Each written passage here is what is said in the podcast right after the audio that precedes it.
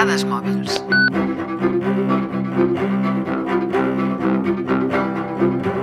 Hi ha èpoques a la nostra vida en les que compaginem una carrera universitària, dos treballs a temps parcial, un voluntariat, unes pràctiques, l'afició a la fotografia i la nostra vida social. Matí, tarda i fins i tot nit, entre setmana i caps de setmana, no importa. Tenim molta feina per fer. Que ens passem tot el dia treballant no vol dir que siguem productius. La productivitat no es basa en la gestió del temps, sinó en la gestió de la nostra energia. Es tracta de ser eficients i de veure com, en lloc de treballar 70 hores setmanals com a emprenedor, podem tenir millors resultats treballant només 40 hores. Treballar menys pot, de fet, produir millors resultats. Hem de deixar de fer hores extra. De fet, si mirem enrere i ens situem a l'any 1926, Henry Ford va determinar aquest número d'hores setmanals, 40, com les més productives. Es va reduir de 10 a 8 diàries i de 6 dies laborals a 5, curt i a mig temps. Quan més es treballa, menys productivitat s'obté. La falta de son, l'estrès, l'esgotament, quan fem hores de més a la feina, no porten a bon port. És evident que els resultats són molt inferiors quan posem el nostre cos i la nostra ment al límit. Aprèn a dir no.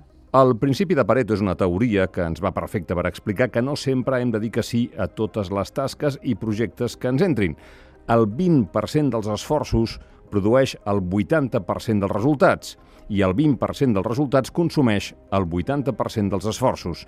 Focalitzar la nostra energia en dir que sí als esforços que són a dins del 20% farà que obtinguem més fent menys. No facis tu tota la feina.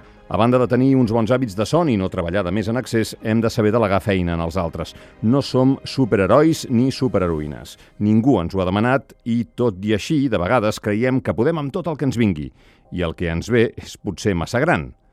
Així ens podrem centrar millor en la nostra tasca principal i resoldre problemes que abans no teníem temps de tractar. Confiem en els experts i a la ciència i deixem que ens treguin un gran pes de sobre. Treballem menys, produïm més.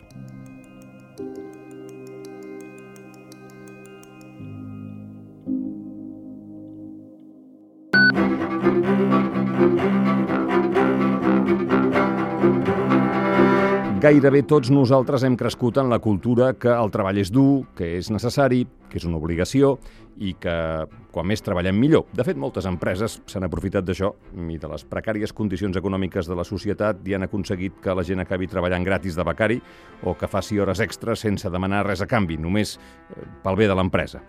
Els emprenedors i emprenedores que porten el seu propi negoci i, sobretot, aquells que estan començant de vegades, sofreixen un estrès excessiu i treballen moltíssimes hores sense veure cap compensació a canvi. Doncs un secret que ens diu la ciència. Es pot treballar menys i aconseguir uns resultats molt millors.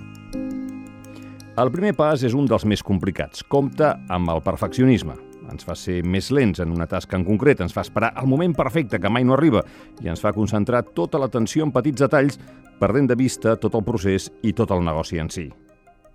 Un altre clau és l'automatització de processos. Hem de fer un bon ús de les noves tecnologies i aprofitar bé les possibilitats que ens ofereixen. I així treballarem menys. Endevinar i intuir està bé, però hem de prendre decisions eh, basats en dades reals analitzar i avaluar els comportaments, els horaris, eh, tots els resultats que són fruit de les nostres accions, tot això és bàsic per decidir si estem prenent el camí adequat. Per últim, el temps per no fer res. El que moltes persones segur que consideren una pèrdua de temps i de diners ens pot ajudar, de fet, a avançar, millorar i tenir un millor rendiment.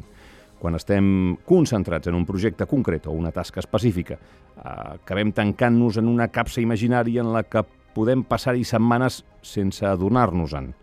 La ciència diu que va molt bé, en aquests casos, distanciar-se de la feina durant uns moments i passar temps sols amb nosaltres mateixos.